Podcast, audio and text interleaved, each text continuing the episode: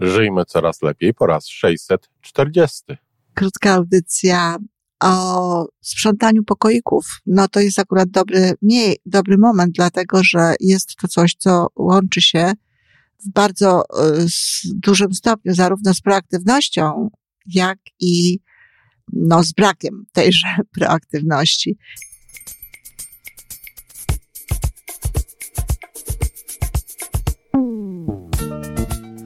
Witamy w kolejnym odcinku podcastu Żyjmy Coraz Lepiej, tworzonego przez Iwonę Majewską Opiełkę i Tomka Kniata. Podcastu z dobrymi intencjami i pozytywną energią, ale także z rzetelną wiedzą i olbrzymim doświadczeniem we wspieraniu rozwoju osobistego. Chodzi nam o to, aby ludziom żyło się coraz lepiej, aby byli coraz bardziej spełnieni, radośni i szczęśliwi. A że sposobów na spełnione życie jest tyle, ile nas, więc każdy musi znaleźć ten swój – a teraz już zapraszam do wysłuchania kolejnego odcinka. Dzień dobry, kochani rodzice. Mm, jest sobota. Obiecałam, że będzie pogadanie, czyli będzie krótka audycja o sprzątaniu pokoików. No to jest akurat dobry, mniej, dobry moment, dlatego że jest to coś, co łączy się w bardzo y, dużym stopniu zarówno z proaktywnością, jak i no, z brakiem tejże proaktywności. I prawdę powiedziawszy, dotyczy to bardziej rodziców, oczywiście, jak zwykle, niż samych dzieci, bo y, sprzątanie jako takie nie ma nic wspólnego z proaktywnością. No, chyba, że dziecko nauczy się już tego, że wybiera pewne zachowania y, świadomie, żeby nie doprowadzić do takiej sytuacji, która faktycznie jest nie do przyjęcia, no, dla reszty domowników, znowu szczególnie tutaj dla mamy. Natomiast y, z rodzicami łączy się to w taki sposób, że bardzo często rodzice w tym wypadku krzyczą, hałasują i w ogóle zachowują się absolutnie nieproaktywnie. Nie pozwalają dzieciom przeżyć na przykład konsekwencji tego, że jest w tym pokoju nie tak, jak się umawialiśmy, no bo przede wszystkim to trzeba się na to umówić, tylko krzyczą, hałasują, czy karzą. Różnica pomiędzy konsekwencją a karą jest taka, że konsekwencja jest czymś naturalnym, jest związana z tym, co dziecko robi i czego z jakiegoś powodu nie chcemy e, aprobować. Nie chcemy tego widzieć, chcemy, żeby było inaczej, a skoro inaczej nie jest, no to wtedy my mamy prawo do y, zachowań, takich, które będą nieprzyjemnymi oczywiście konsekwencjami dla dzieci. Natomiast kary to nie są tylko kary cielesne. Kary to są również nie wyjdziesz na dwór, nie będziesz zabranie telefonu, nie będziesz oglądać telewizji, czy nie będziesz w tej chwili siedzieć przy komputerze, bo to raczej jest coś, co chętniej dzieci widzą niż telewizję. To, to, są, to są kary to nie ma związku z tym, co y, dzieci zrobiły, no chyba, że czasami mieć może. I wtedy to jest, y, to ma sens. No, kiedy może mieć związek z telefonem? Na przykład wtedy, kiedy dziecko y, bawi się telefonem na lekcji, tak? Zazwyczaj w szkołach nie pozwalają mieć telefonów w klasie, no ale dla przykładu, jeżeli dziecko bawi się telefonem na lekcji, to tak, zabranie dziecku telefonu na jakiś czas, czy w ogóle, jest oczywiście e, konsekwencją tego. Czy na przykład w takiej sytuacji, taka sytuacja, kiedy dziecko e, siedzi bardzo dużo przed komputerem, a potem na przykład późnym wieczorem albo jeszcze lepiej następnego dnia no, mówi, że nie miało czasu, że nie zrobiło pracy domowej. No to wtedy oczywiście tak, wtedy można powiedzieć, w takim razie, skoro nie masz czasu, bo zajmuje ci ten czas komputer, no to y, nie będziesz tego komputera mm, miała dla siebie, do swojego użytku w takim czy w innym czasie. No ale jak to zrobić z, czy z pokoikami? Jak, jak, jaką konsekwencją może być y, pokoik, tak, czy niekoniecznie czysty. Pierwsza sprawa to jest taka, że jeżeli chcemy, aby nasze dzieci sprzątały nasze pokoje, swoje pokoje, to muszą być zachowane dwie rzeczy. Na pewno, a potem jeszcze oczywiście kolejne. Po pierwsze, to trzeba to z dziećmi robić od wczesnego okresu w życiu. To nie może być tak, że kiedy dziecko ma raptem y, nawet pięć lat, czy, czy, czy więcej, to my oczekujemy, że to dziecko będzie teraz sprzątało pokój.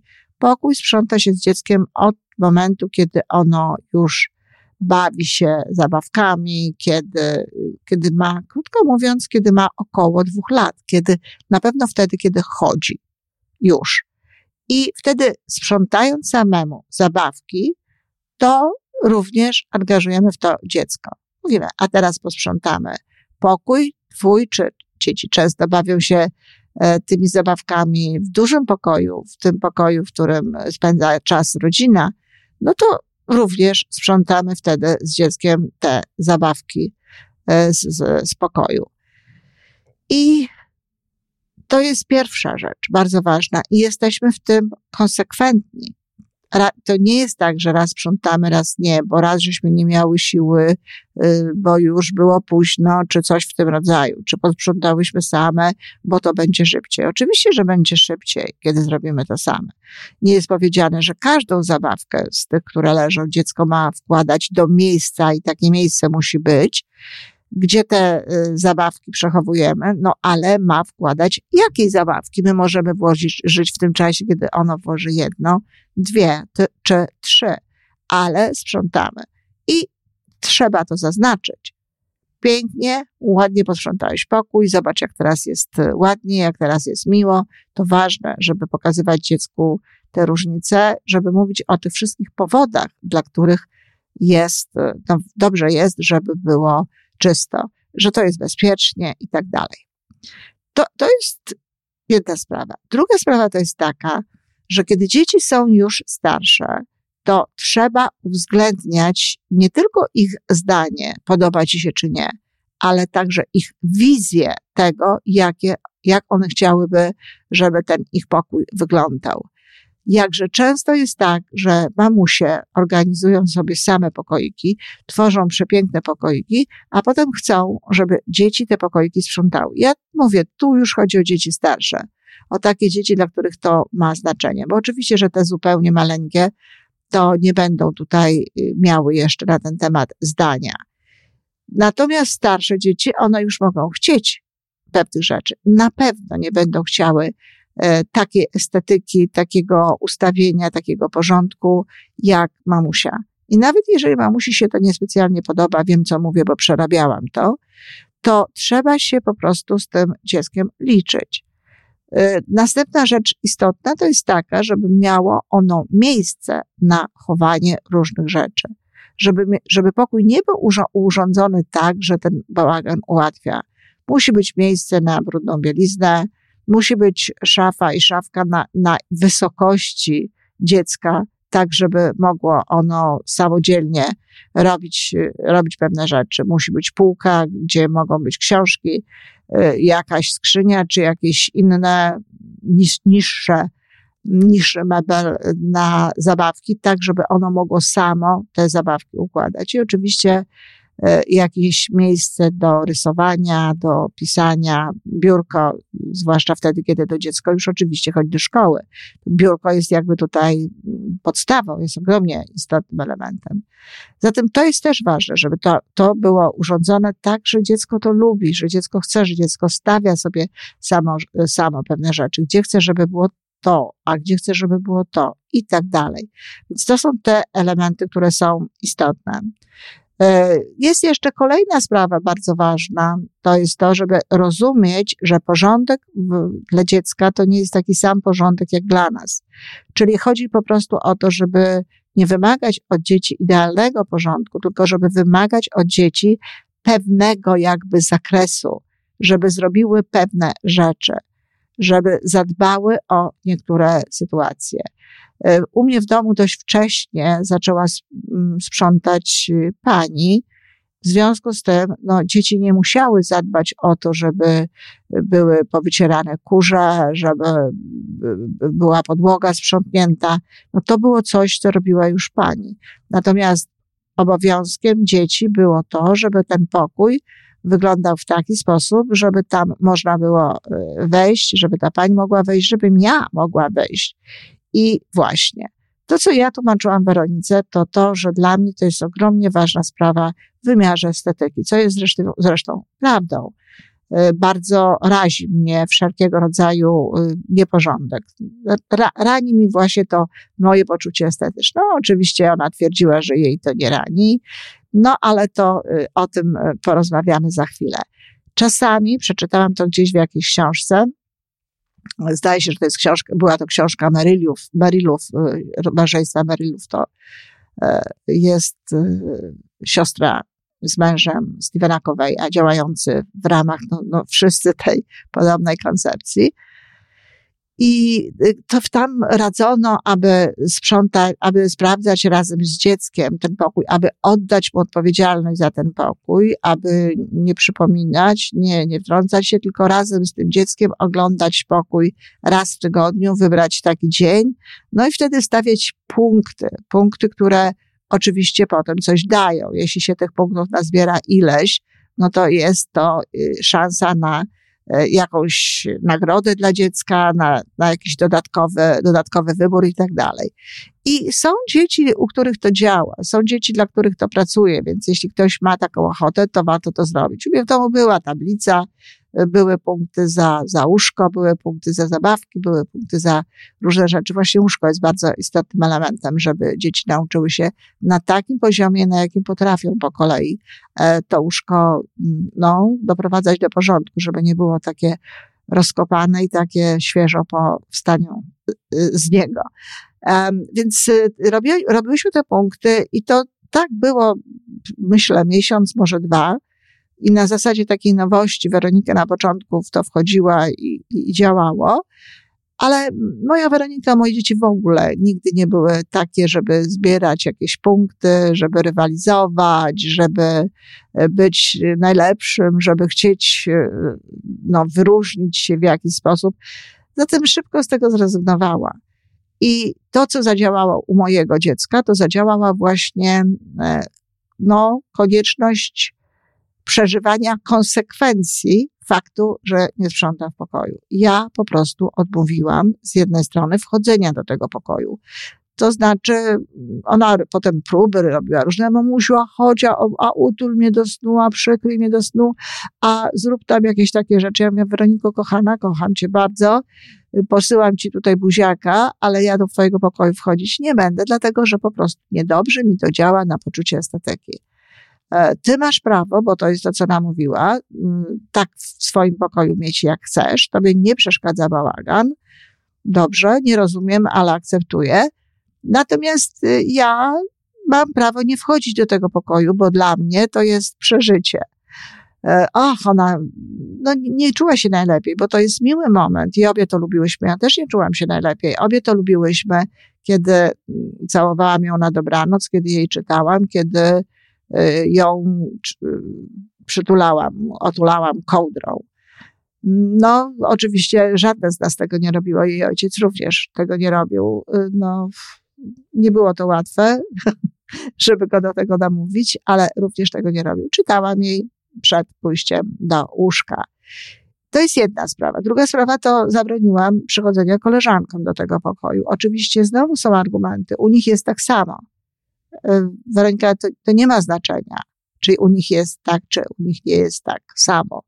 Chodzi o to, że to nie jest e, eleganckie podejmować kogoś e, w takim pokoju, podejmować kogoś w miejscu, w którym jest bałagan. To nie znaczy, że to ma być jakieś, i to dla nas wszystkich, kochani, to nie znaczy, że to ma być jakoś super, hiper czysto i sprzątamy, bo goście przychodzą, ale właśnie o to chodzi, żeby ten, ta atmosfera była taka i żeby ten porządek był taki, że w każdym momencie może ktoś przyjść. I to jest też konsekwencja, bo po prostu nie możesz, nie możesz zaprosić do pokoju.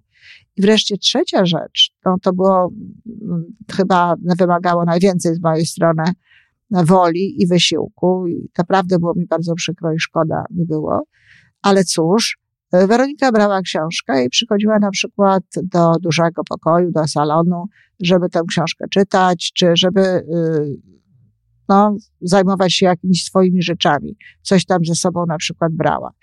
I wtedy niestety mówiłam jej, żeby poszła do swojego pokoju. Co innego, kiedy przychodziła do nas, kiedy żeśmy wspólnie byli w tym pokoju, robiliśmy różne rzeczy, to tak, ale jeżeli brała coś swojego, brała książkę, brała e, wtedy jeszcze nie było laptopów, to znaczy ona nie miała laptopu, miała komputer, e, a to się nie dawało przynosić, ale kiedy brała jakieś rzeczy, nawet związane ze szkołą, no to ja ją prosiłam, żeby wróciła do swojego pokoju. I mówiła mi, że tak, no oczywiście każdy by tak chciał. W swoim pokoju mieć bałagan, a potem zgasić światło i pójść tam tylko spać i nie widzieć tego. Natomiast korzystać z urody i estetyki pomieszczeń, które ktoś inny utrzymuje w porządku.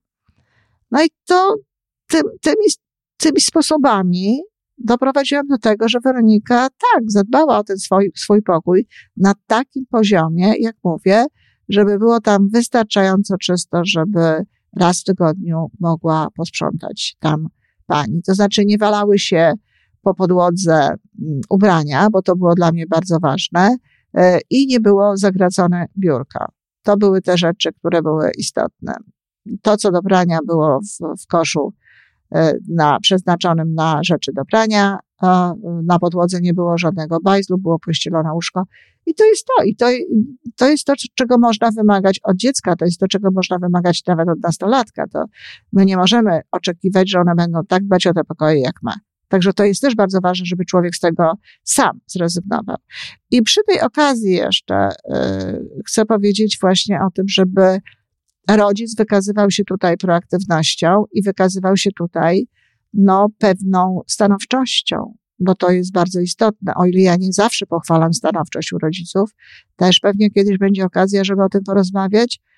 Natomiast tu w tej sytuacji, tak, jeśli się na coś umówimy i to musi być umowa, trzeba, trzeba o tym dziecku powiedzieć, no to potem konsekwentnie tego trzeba przestrzegać. Być może ktoś znajdzie jeszcze inne sposoby. Ja mówię o tym, co zadziałało u mnie w wypadku Y, Weroniki i Weronika no, jest y, osobą bardzo zorganizowaną i bardzo pięknie podchodzącą w tej chwili do, do porządku.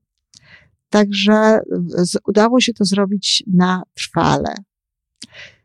Dziękuję. Mam nadzieję, że to się trochę przyda. Do usłyszenia. I to wszystko na dzisiaj. Podcast Żyjmy Coraz Lepiej jest stworzony w Toronto przez Iwonę Majewską-Opiełkę i Tomka Kniata. Sześć razy w tygodniu przygotowujemy dla Was nowy, ciekawy odcinek. Jeżeli lubisz nas słuchać, to prosimy o reakcję. Polub nas, skomentuj, tak jakbyśmy sobie po prostu rozmawiali. Zapraszamy do darmowej subskrypcji. Jesteśmy dostępni na każdej platformie, gdzie można słuchać podcastów. Wystarczy nas tam poszukać. A po więcej informacji zapraszamy na stronę www.majewska-opiełka przez l.pl. Jesteśmy też na Facebooku i na Instagramie. Jeżeli uważasz, że nasze podcasty pomagają Ci w Twojej drodze do jeszcze lepszego życia, to proszę, przedstaw nas swoim przyjaciołom. Do usłyszenia.